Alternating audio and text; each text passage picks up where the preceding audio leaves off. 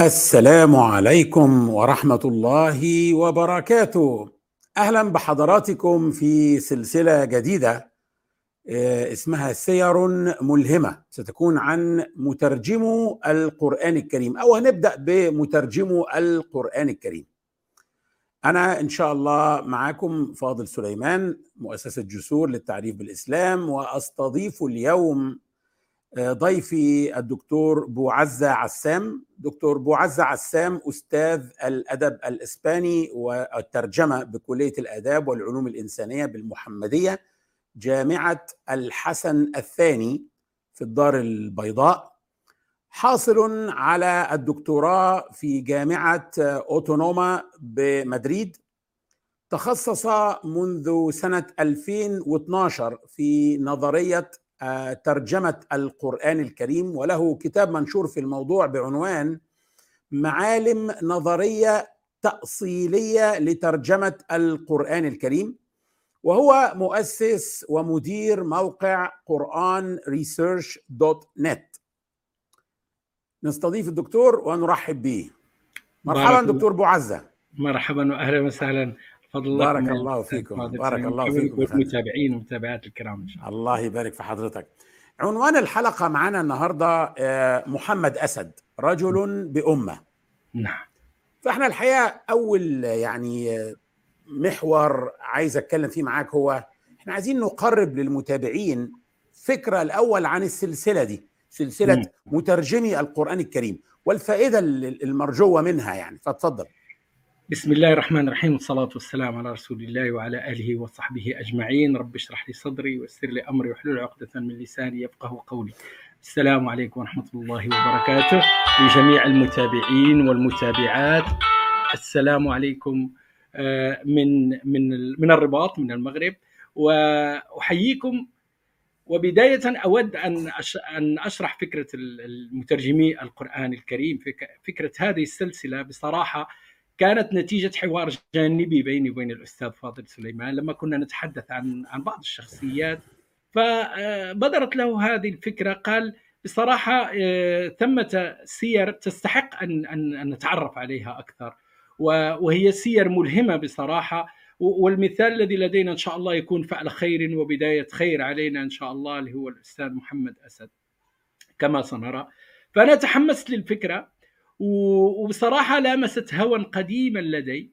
آه، آه، في في أنه عفوا آه، كانت لامست هوى قديما لدي في في الكتابة عن هذا الموضوع. أنا كنت أود أن أكتبه مقالات لكن الحمد لله جاءت هذه الفرصة فكانت فرصة خير والحمد لله في في هذا الموضوع. الحمد لله. هذه هي الفكرة الأساسية.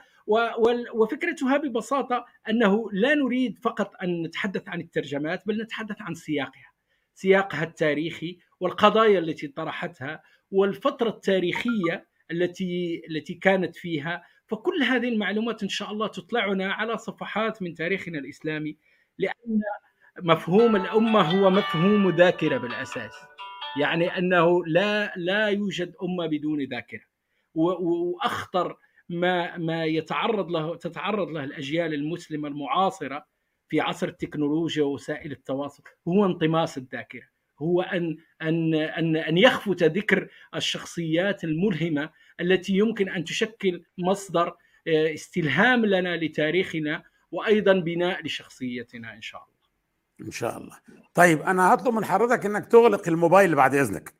طيب أنا أنا سأغلقه لأنه إغلاقه تماما أرجوك يعني. بدا بدأوا معي بصراحة منذ بداية الحلقة. الطائرة ستطير الطائرة ستقلع الآن فأرجو طارت الطائرة إن شاء الله خلاص.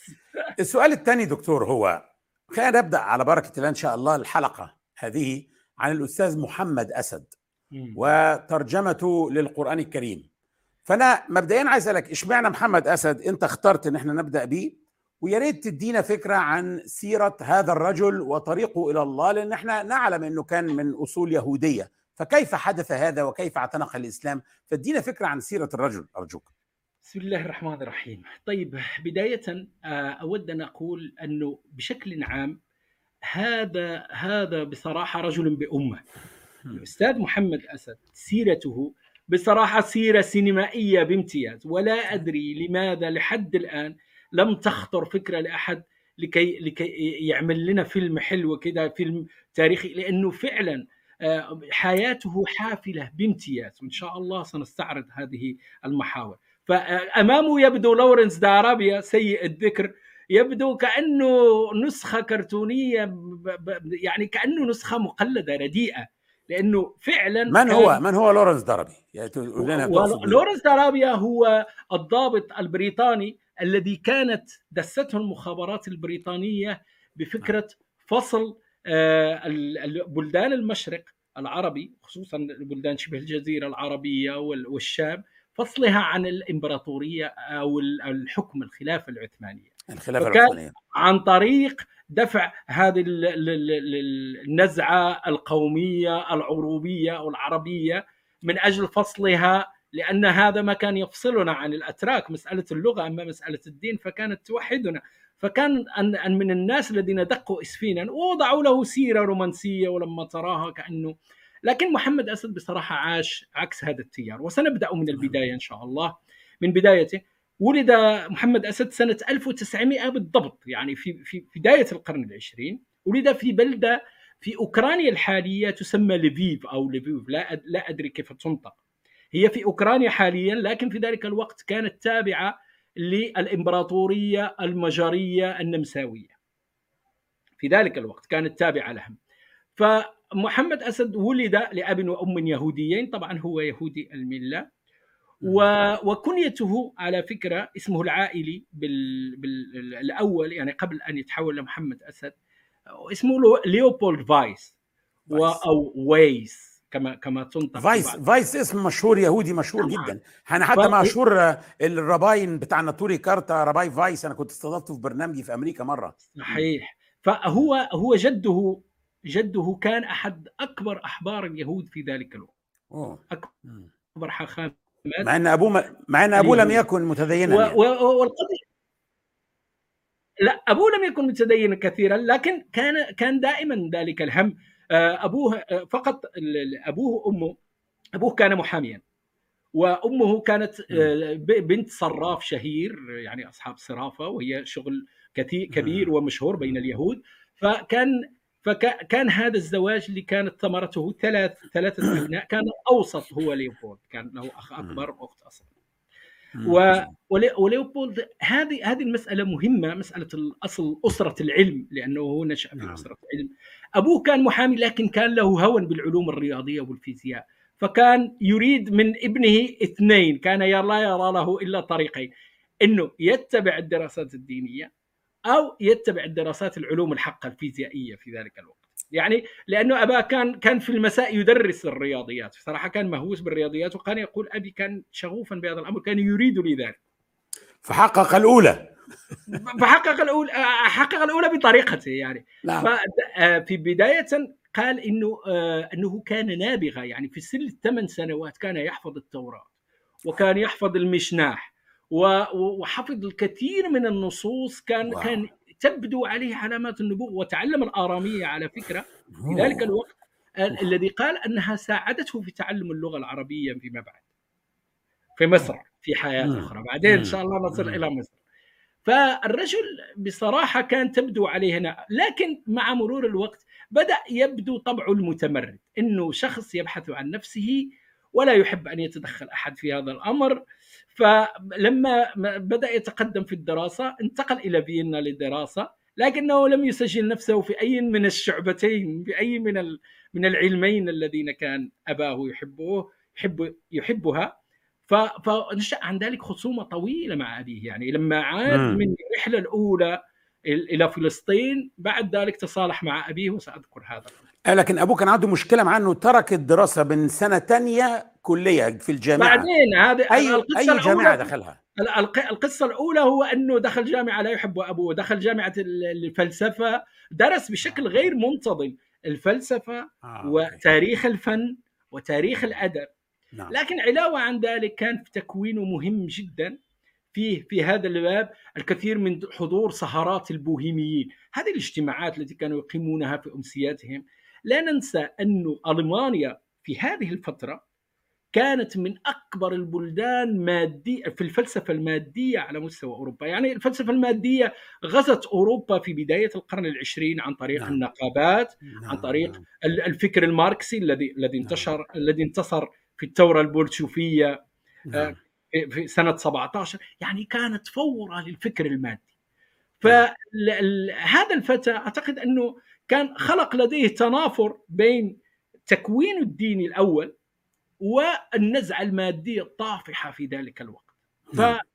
فنشأ عنده تشظي وخواء روحي وكان هو يعبر عن هذا الأمر باستمرار كان يقول أنه كنت أحس أني أني لا أجد نفسي في هذا المكان ف فطبعا والده كان مخصمه قال له مش حديك قرش يعني عاش عاش مدة على الحديدة كما يقول المصريون آه. فلما كان في فيينا فاضطر إلى إنه يعمل بشكل متقطع في في في كتابة مقالات صحفية في الاشتغال في صحف كتابة سيناريوهات عمل بشكل متقطع في كثير من الأشياء وكانت نعم. هذه الفترة فترة يعني تكوين المادي بين مزدوجتين لأنه نعم. كان يحضر إلى إلى تلامذة فرويد وتلامذة ماركس وتلامذة يعني كان هذا الوسط البوهيمي آه، حيوي جدا وهو يحكي عنه أنه كان تشرب فيه إلى حد ما وتشبع فيه بالفكر المادي الذي كان في ذلك الوقت. نقطة التحول جاءت بعد نهاية الحرب العالمية الأولى. طبعا البطالة على في أوجيا وألمانيا والنمسا التي كانت كانت تابعة لها في ذلك الوقت كانت تعيش أزمة رهيبة أزمة اقتصادية طبعا البطالة فكان كان من من ألطاف الله أنه أنه توصل بدعوة من من خاله كان خاله نعم. دوريا كان أحد تلامذة فرويد وابتعث في لمنظمة صهيونية إلى فلسطين نعم. للإشراف على مصحة عقلية فهو كان يعيش حياة عزلة هناك فكان يريد أحدا ليؤنسه. فقال فكتب لليوبولد قال له ما دمت أنت قاعد قاعد هناك. تعال, تعال. ونسني وأنا أؤدي لك التذكرة ذهابا وايابا إلى الإسكندرية. فأخذ الخباخرة الإسكندرية وبعدين أخذ القطار عبر سيناء إلى إلى فلسطين. القدس. إلى القدس القدس نعم. أو أعتقد إنه القدس القدس أنا أعرف إنه كان كان في القدس آه. وخاله كان مدير مستشفى في القدس كان مدير مستشفى مم. فبدأ هناك بدأت ال ال ال الانقلاب في شخصية محمد أسد بدأ نعم. التحول نعم. الذي كان تحولا بطيئا على فكرة لم يكن تحول يعني سريع مسألة عاطفية فقط بل كان مثل كأنه طبخ على نار هادئة. نعم. فبدأ بالاحتكاك بالواقع. وبعد مدة كان في مدة اكتشاف للوسط الجديد بدأ يراسل تلك الصحف الألمانية التي كانت التي كان يعمل معها على أمل أنه أحدها يقبل إن إنه ينشر مقالاته. فكان يسميها الشرق دون رومانطيقية. هذا هذا كان عناوين مقالاته لأنه كان كان يرى أن الأوروبيين ينظرون بشكل رومانطيقي يعني بشكل غرائبي إلى الشرق ونظرتهم م. مستنسخة من بعضها. فهو نعم. كان كان يحاول أن أن يضع عليها لمسة إنسانية. فهناك بدأ احتكاكه اولا بالمشروع الصهيوني وبالفلسطينيين. فبالنسبة للأول كان كانت من من من الوهلة الأولى بدا له أن المشروع الإحلالي الصهيوني سوف ينتهي بكارثة إنسانية. كان واضح في هذا الأمر كان واضحا لديه وكان لديه أصدقاء على نفس هذا فكره. وحتى إنه مهم جدا في هذا الباب طرفة يحكيها في الطريق إلى مكة. إنه إنه ذات يوم ذات مساء دعي بعد إذن حضرتك ثانية واحدة بس. في الطريق أه. إلى مكة هو هو أشهر كتاب ل آه. آه ليوبولد فايس اللي هو اللي هو بعد بعد ذلك سأتكلم عن مؤلفاته إن شاء نعم. الله. أنا حبيت بس الفت نظر الاخوه بعض الناس تنضم الآن هذه الحلقة عن آه، محمد أسد رحمة الله عليه مترجم الله. القرآن الترجمة الشهيرة ترجمة محمد أسد والطريق إلى مكة هو أحد أشهر كتب. تفضل دكتور. تمام. صحيح. الله يكرمك. فكان يحكي لقاء جمعه بحايم ويزمان وحايم ويزمان لمن لا يعرفه هو الرجل رقم واحد في ذاك الوقت في الحركة الصهيونية. يعني طبعا. ربما وريث هيرتزل على في رئاسة المشروع الصهيوني قبل قبل إعلان الدولة المزعومة. نعم نعم. ف فجلس إليه وقال وجلس إليه وينقل الحوار أنه حاجة إلى غاية أنه اخرسه حتى انه حيم وزمن قلب الموضوع ودخل إلى موضوع آخر ولم يجبه. أعجزة. وكان له مواقف شهيرة ولما كان ممثل لباكستان فيما بعد مندوبا لباكستان لدى الأمم المتحدة ألقى خطابا شهيرا ضد العنصرية والطريف أنه كان في حضرة ابنة أخيه التي كانت جالسة أمامه كانت زوجة لدبلوماسي صهيوني. نعم. فألقى خطابا أمامها وكانت من من من المسائل. فكان موقفه من الصهيونية دائما واضحا. هذه نعم. أعتقد أن أبوه أيضا أبوه أيضا مع إنه يهودي لكنه لم يكن كان معاديا للصهيونية. و... وصرح بهذا. والأدهى في الأمر انه أبوه وأمه انتهيا في أحد معسكرات النازية و... سبحان الله. في في أوشفيتس. نعم كان من احد ضحايا أوشفيتس. وهذا سنعود إليه إن شاء الله في هذا الأمر. فالرجل آه، بقي مدة فحدث أنه آه، أحد الصحف الألمانية في ذلك الوقت فرانكفورتر سايتونغ اللي آه. كانت من أكبر الصحف كان يقول في أوروبا في ذلك الوقت. يعني نعم طبعا. على الرغم من الأزمة والضائقة المالية فهم وعدوه أن يعينوه مراسلا. وعلى مقابل بضع ماركات لأنه المارك في ذلك الوقت كانت أزمة كبيرة بسبب العقوبات على ألمانيا بعد الحرب. و و ولكن كان يكفيه من أجل أن يبدأ. فهو لما بدأ يضيق ذرعا بالوسط الصهيوني الذي المفروض عليه. نعم. فبدأ يبحث عن متنفسات. فبدأ آه، بذريعة أنه يكتب المقالات بدأ رح بدأ نوع من الرحلات كما يقال في اليوم اليوم يطلق عليهم الجلوب تروترز هذا. آه. بحقيبة الظهر ولا شيء غير ذلك وميزانية ضعيفة جدا شحيحة. فبدأ رحلات كبيرة اولا إلى مصر إلى مصر رحل مرتين في الرحلة الأولى وفي الرحلة الثانية. الرحلة الثانية التي أقام فيها مدة طويلة وكان يتعلم اللغة العربية في الأزهر. وهل كان وقتها هل كان وقتها مراسل فرانكفورتر سايتونغ صحيح لأنه هم الوحيدين الذين قبلوه فكان نعم. يرسل مقالاته نعم. بشكل منتظم. نعم طبعا ف... عشان المشاهدين يعرفوا فرانكفورتر سايتونج يعني جريدة. جريدة فرانكفورت كانت تعتبر أكبر جريدة في ألمانيا في هذا الوقت وكان هو مراسل الرغم من الجريدة في منطقة الشرق الأوسط. صحيح. وهي والألمان نعرف أن استشراقهم ونظرتهم كانت إلى حد ما تميل إلى معاداة النظرة الأوروبية الإنجليزية نعم. نظرا للعداء القديم بينهم نعم. يعني. كان في العشرينات من عمره مثلا في الوقت ده مش كده؟ آه نعم نعم وصل في العشرينات. يعني هو ولد في 1900 نحن نتحدث عن 1920 21 بالضبط كده في, في, في بداياتها. تمام. فبدأ في رحلات ماراثونية يحكيها بصراحة إنه كان رحلات بميزانية صفر. يعني كان الرجل فقط بقوت يومه ويسير مع القوافل في سيناء في آخر القوافل التي كانت تعبر سيناء على الجمال في ذلك الوقت. وكان وعاش حواري القاهرة في ذلك الوقت. ثم انتقل في الرحلة الثانية رجع إلى ذهب في رحلة كبيرة إلى سوريا والعراق وإيران وتركيا. لا طبعا كانت جولات ماراثونية كانت رحلات. لكن هو كان متيما بالصحراء. طيب مسألة الصحراء مهمة جدا. هو كان مهووسا بمسألة أنه يلتقي بالناس البسطاء. لأنه من الأشياء التي أثارت انتباهه في الإسلام هو أنه حتى الناس البسطاء كان لهم قيم روحية عميقة. وكان يحس فيهم ارتياحا وسكينة وهدوءا. لا يلحظه لدى الأوروبي المتحضر الذي بين مزدوجتين الذي لديه كل الكيانات المادية. وهذا ما ول ما بدأ توليد التساؤلات لديه وبدأ التساؤل عن ما هو ما هو الدعامة الروحية لهؤلاء الناس التي تجعلهم يعيشون بهذا الانسجام مع أنفسهم. لكن هو هو عنده ملحوظة هو لاحظ ملاحظة كده فكرية فلسفية غريبة. وهو أن الثقافة في أوروبا حكر على الطبقة المتعلمة.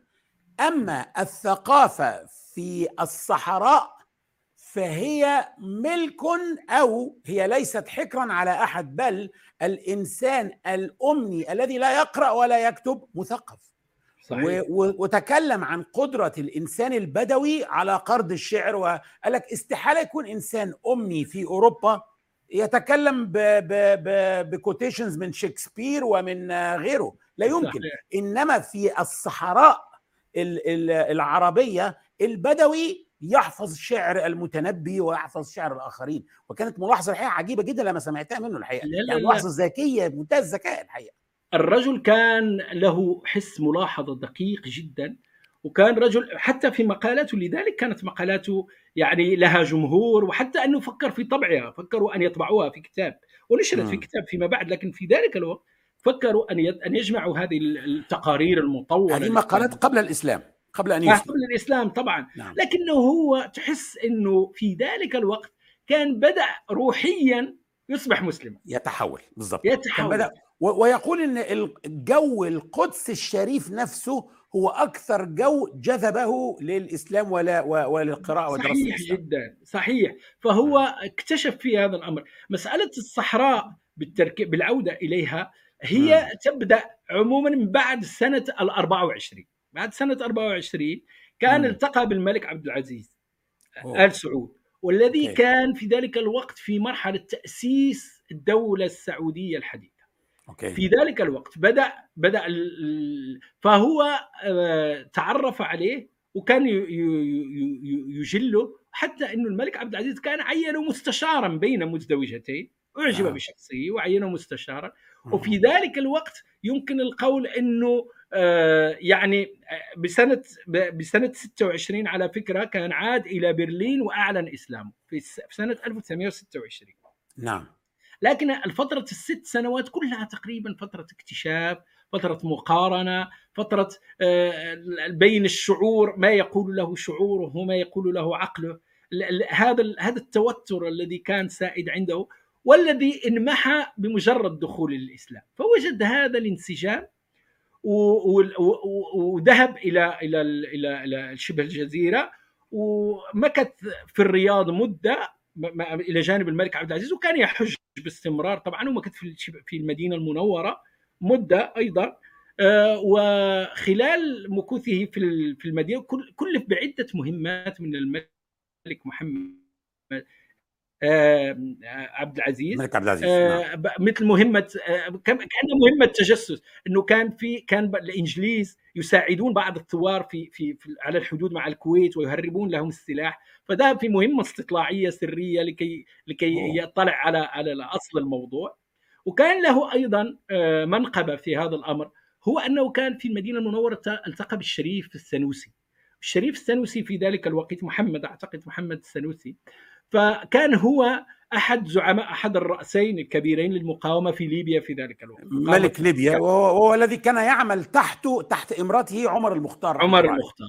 فالذي جرى انه التقى به في, في المدينة المنورة فكان كلفه مهمة وساطة آه، مع عمر المختار لعله يقنعه بأن يتراجع إلى الأراضي المصرية وأن لا يبقى في الأراضي الليبية في ذلك الوقت أن يتراجع خلق الحدود المصرية وينتظر فرصة سانحه فهو تسلل مر من شبه الجزيرة عبر سيناء عبر مصر خفية وعبر إلى الحدود والتقى به عند الحدود. فكان قال أن عمر المختار لم يقبل أن أن أن يتراجع ولا أن ولا أن أن يعلن هدنة. فكان قال رأيتهم فرأيت اناسا يحملون نعوشهم بين أيديهم. يعني كأنه قال رأيت أناس يعني كأنهم وهبوا روحهم لبارئهم. فهذه كانت كانت المهمة. والكتاب كتاب الطريق إلى مكة يحكي كل هذه الفترة بتقنية فلاش باك. يعني يبدأ يبدأ أنه يتحدث عن طريقه عن رحلة قطعها داخل شبه الجزيرة العربية إلى مكة. وفي نفس الوقت عبر هذه الرحلة يحكي عن عن ماضي فهي تتوقف في لحظة الحج. ولحظه ربما بدايه نهاية المرحلة نقول مرحلة المشرق لأنه بعد ذلك في سنه خصوصا في سنة 34 بالضبط انتقل إلى شبه الجزيرة الهندية من أجل التعرف على ال على ال كان كان في رحلة يود أن تدوم كما قال بضعة أشهر فتحولت إلى سنوات مديدة. نعم فمكث في لاهور وعلى فكرة آه، وبال 34 وال 39 ترجم كتب كتب الطريق إلى مكة وترجم صحيح البخاري إلى إلى اللغة الإنجليزية 35 39 ف ولكن في ال 39 قبض عليه الإنجليز عند بداية الحرب العالمية الثانية طبعا لأنه اوراقه الثبوتية كانت ألمانية. مم. فلما بدأت الحرب طبعا أصبح. يشكل خطر وخشوا منه. طبعا. فاعتقل في لاهور إلى نهاية الحرب. ومع كامل الأسف أبواه أيضا تعرضا للاعتقال كما قلنا من قبل النازيين وحفاهما في معسكر اوشفيتس فالرجل التقى هناك بالشاعر والمفكر الكبير محمد, محمد إقبال. اب أب الدولة الباكستانية. فكان قال نشأ بي بيني وبينه ود من أول لقاء وكان رجلا عالما متبصرا ذا همة فكان اقترح عليه أن يبقى معه ويعينه في في فكرة وليدة في ذلك الوقت اللي هو إنشاء دولة باكستان. باكستان. فمكث في كشمير مدة وبعد ذلك بعد تأسيس دولة باكستان عمل فيها في وزارات متعددة وعمل أيضا مفوض للنهضة الإسلامية يعني مسائل دعوية وكان يستشفي برامج أيضا. إلى غاية أن تم ما تم تعيينه مندوبا مندوبا دائما لباكستان لدى الأمم المتحدة. فبقي مدة إلى سنة 1962 أو 64 في في في ذلك الوقت. ف في نيويورك في نيويورك. آه طبعا طلع نيويورك نعم. وباريس نعم. وتزوج. هناك بقى قصة زواجه الثاني عايزين بقى نفهمها من حضرتك. الزواج الثالثة يعني كان رجل كان هذه الثالثة الثانية نعم كان تزوج منيرة بنت أحد مشايخ شبه الجزيرة العربية في ذلك الوقت آه. ومنها ابنه طلال هذا هذا الرجل طلال اسد ال ال هذا الأنثروبولوجيست هذا العالم الإناثة. فهذا ابنه. في ابنه ابنه الذي ولد في في في شبه الجزيرة. الأولى ماتت في الجاهلية ولا ولا أسلمت؟ آه لا الأولى ما لم لم تكن أعتقد أنها ماتت الأولى وبعد آه. ذلك منيره اللي تزوج بها في السعودية وبعد نعم. ذلك في نيويورك كان كان كان زواجه الثاني نعم لكن أنا أقصد الأولى ماتت في الجاهلية أم هي أسلمت؟ والله ليس عندي هذه المعلومة لا أود أن أجزم قرأت شيء من هو كان يتحدث عن وفاتها في أعتقد في وكأنها توفيت في الحج أو حاجة زي توفيت أو شيء من هذا القبيل. نعم. وتوفيت يعني وفاه رمزية. كان رأى فيها هو رمزية لأشياء كثيرة. مم. المهم الحاصل لكن أنا أنا ما اعرفه أن الاولى الأولى هي التي فكر معها في الإسلام. يعني يعني عندما صحيح. عادوا إلى ألمانيا تقريبا وركبوا القطار أو المترو فشاهدوا الناس حزينة ووجوهها كئيبة وهكذا. فعاد وقال لها هذا أنا قرأت هذا الكلام قبل كده وطرح عليها سورة ألهاكم التكاثر حتى زرتم المقابر. صحيح. آه نعم فوكأنه يعتقد أن هؤلاء زومبيز ماشيين ميتين يعني هو يرى ويحكي هذا الموقف في موقف طريق إلى أروع ما يمكن بشكل كبير. من أروع ما يمكن وهذا هو الذي قادهما إلى الإسلام. صحيح. هو م. كان قال أنها دخلت الإسلام كأنها قبلته لكنها لم تبدأ في الشعائر أو أشياء من هذا القبيل فتوفيت. لكن المهم عندنا أنه بعد سنه 64 تفرغ من من العمل الدبلوماسي ولجا إلى جنوب إسبانيا. فكرة الأندلس وأيضا كل شيء نعم. رمزي عند عند محمد أسد. نعم. فبقي هناك وبدأ عمله الأشهر والأكبر اللي هو ترجمة ترجمة. ترجمة والتعليق على القرآن الكريم التي أخذت منه تقريبا ما يناهز ال 20 سنة تقريبا. يعني ما عايزين حضرتك بقى دلوقتي تكلمنا عن مسار هذا وكيف أثر في ترجمته للقرآن الكريم الإنجليزية لأن صراحة خليني أقول لك بصراحة يعني أنا شخصيا وأنا أنا أنا مترجم للقرآن الكريم. أنا لا أرى أن ترجمة القرآن الكريم بتاعت محمد أسد ترجمة هي تفسير. أنا طول عمري أتعامل مع ترجمته على أنها تفسير الرجل رجل يطرح رؤاه التدبرية يعني هو يتدبر القرآن. هذا تدبر بالإنجليزية. أنا أرى ذلك الحقيقة. صحيح. آه نعم. يعني دايما أنصح الناس بترجمته على أن يقرؤوها كتفسير أو تدبر ولا أنصحهم بها كترجمة. يعني أنا العكس أنا أحبها جدا لدرجة إني لا أعتبرها ترجمة. لا صحيح. أعتقد ان أن ترجمته للقرآن الكريم كانت إلى حد ما وصيته الفكرية. يعني إلى جانب كتبه إلى جانب كتابيه الأهم التي الذي ربما إذا كان إذا كان من كتابين يلزم قراءتهما له هو الطريق إلى مكة ثم الإسلام في مفترق الطرق.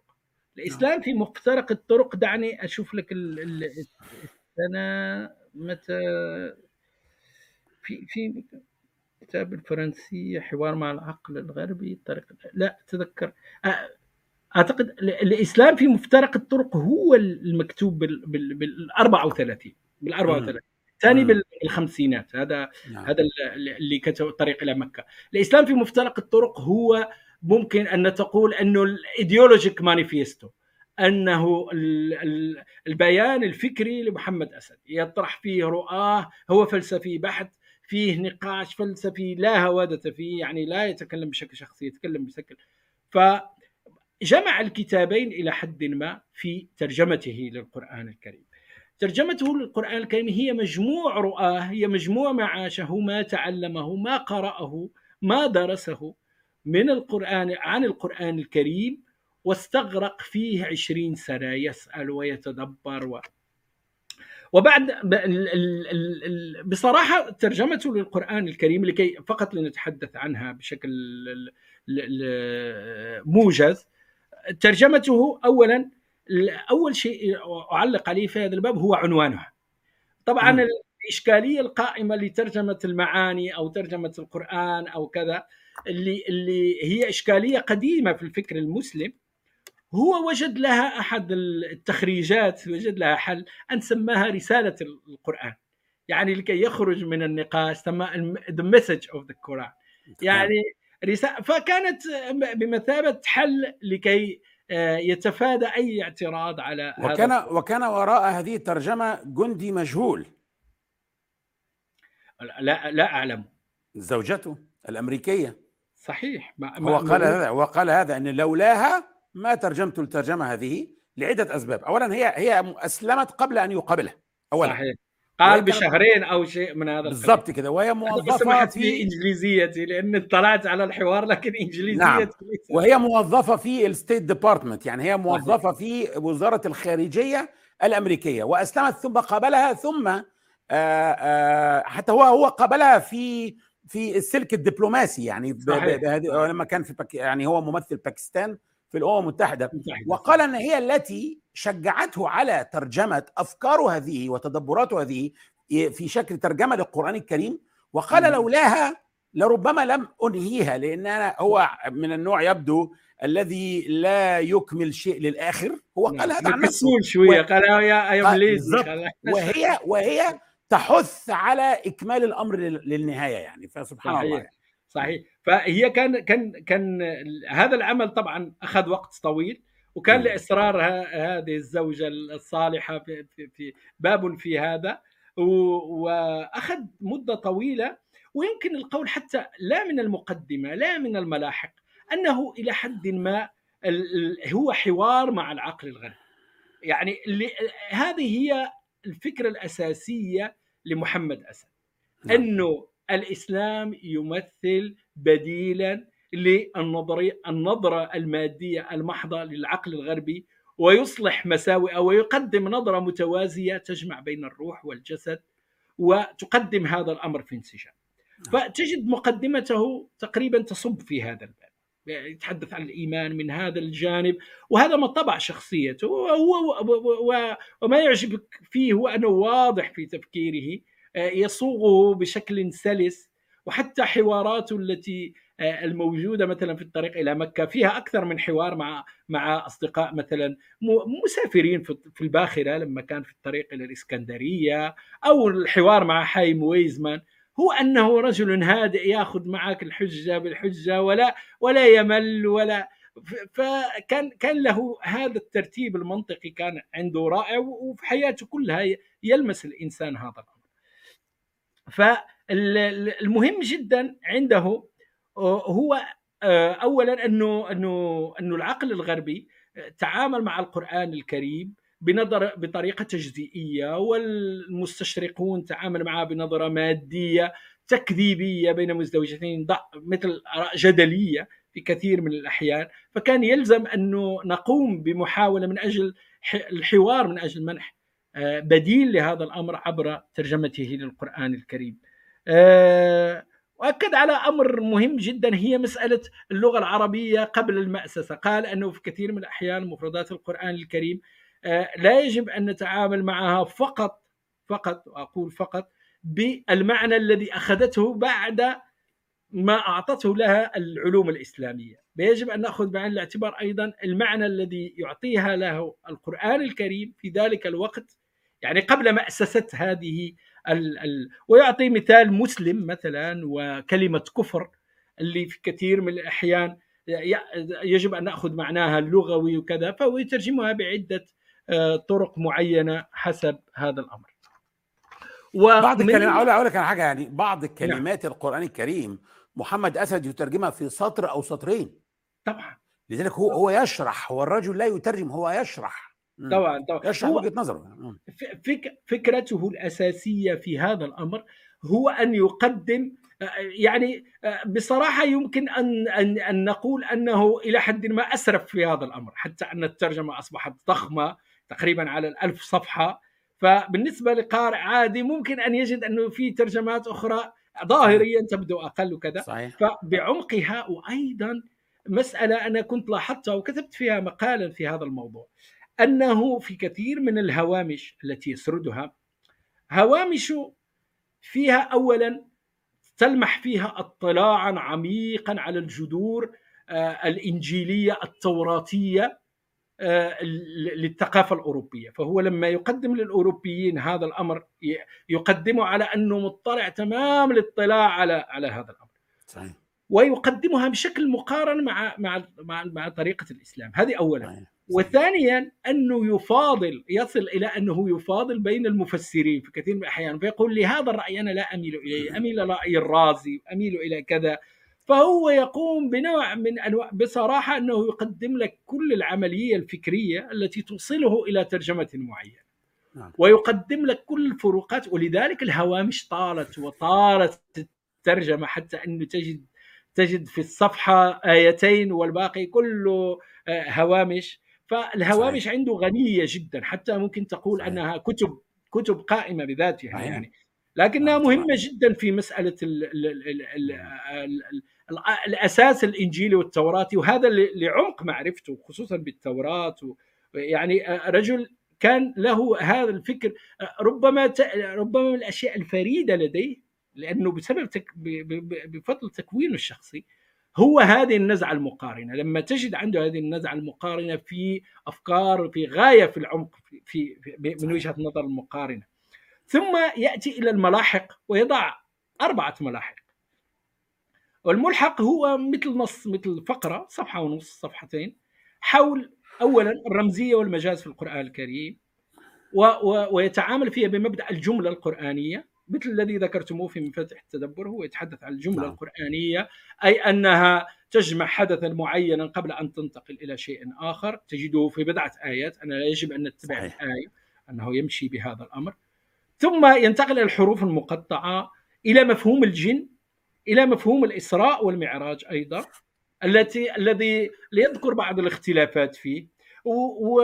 وتجد أن أنا بصراحة لم أجد أي دراسة علمية تناقش مواضيعها بصراحة. وجدت بعض الدراسات الانطباعية التي فيها نوع من التحامل عليه. أنا لما لا أجزم في الأمر لأنه طبعا يتحدثون عن أشياء بخصوص بخصوص مسائل الحقيقة والمجاز في القرآن الكريم. وهذه مسائل إذا تعمقت فيها تصل إلى علم الكلام مباشرة يعني تصل إلى الفرق الكلامية. طبعا. ولكن هذا الأمر يجب أن يقوم به متخصصون هذا مثل هذه التقارير. بص واحد زي محمد أسد الحرفيون لن يتركوه. طبعا لن يتركوا ده هو أكثر واحد تكلم عن هذا الأمر مسألة المجاز وكده. وأنا دايما حتى في حلقاتي مع الناس بفهمهم اذا كنت ستقرأ القرآن الكريم على إن كل كلمة بالمعنى الحرفي بتاعها أنت ممكن تجن أو تخرج من الإسلام.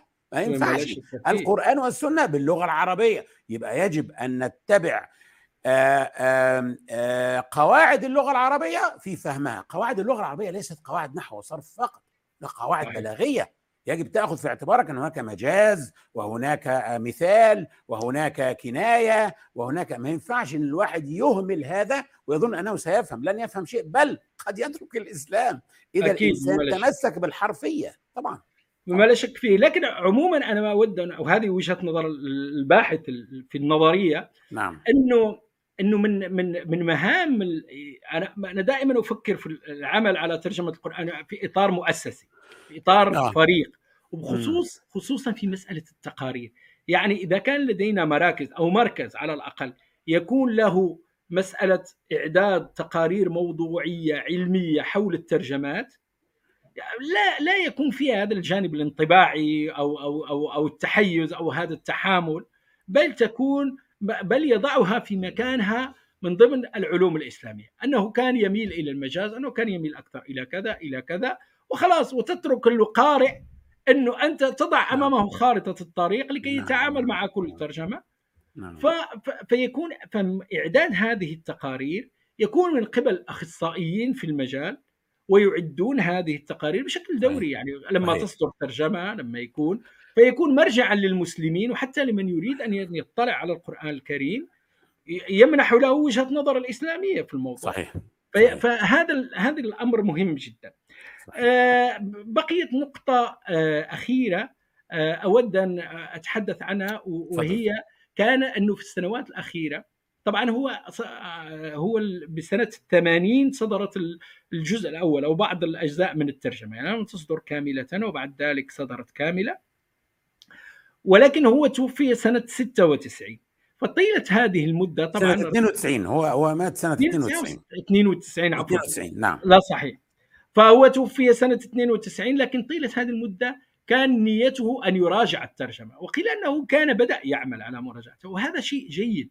هو أن طبعا. هذه الترجمات أن لا نتعامل معها على أنها أعمال منتهية بل نتعامل معها أنها بروسيس أنها مسيرة أنها صيروره طبعا. طبعا. وما يفتح الله به على الناس لا يفتح به على آخرين صحيح.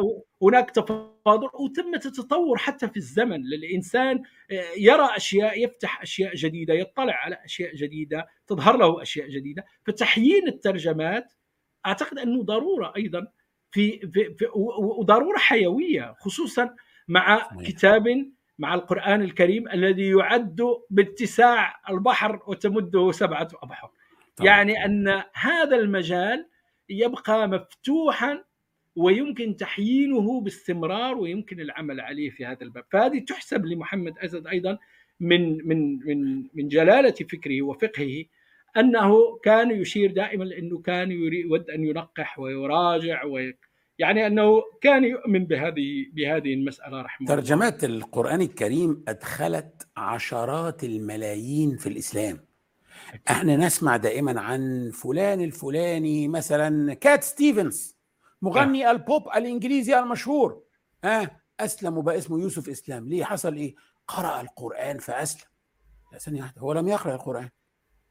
هو قرأ ترجمة للقرآن. فهذه اللي بنقوله ترجمة القرآن ليست قرآن.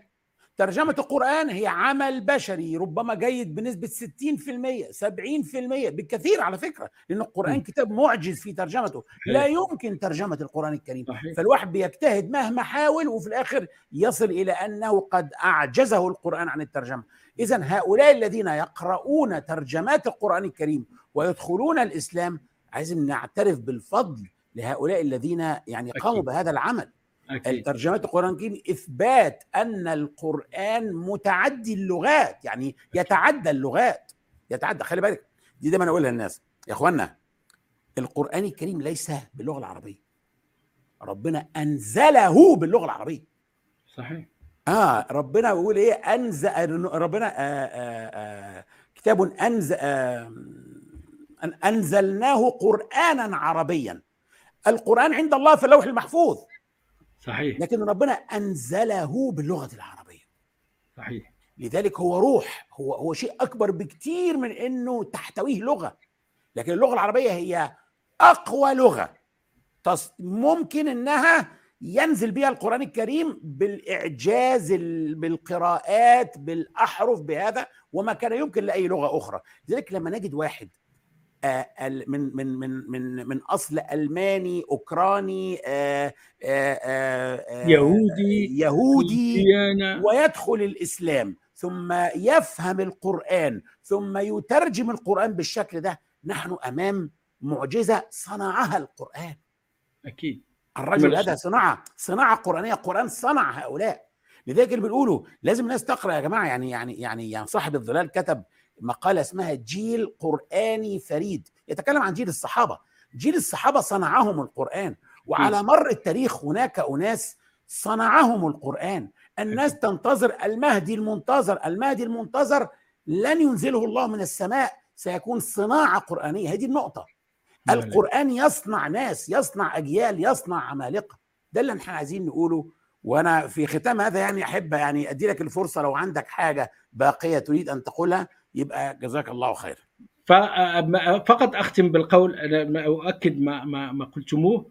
بضرورة اولا احسان الظن بهذا المجهود الكبير الذي يقدمه الناس وانه ترجمات القرآن الكريم لو كانت تلتزم لو تلتزم بالحدود الشرعية العامة بالنسبة إلي يجب اعتبارها دوما إضافة يمكن تحسينها وإحسان الظن بهؤلاء الناس وتقدير مجهودهم.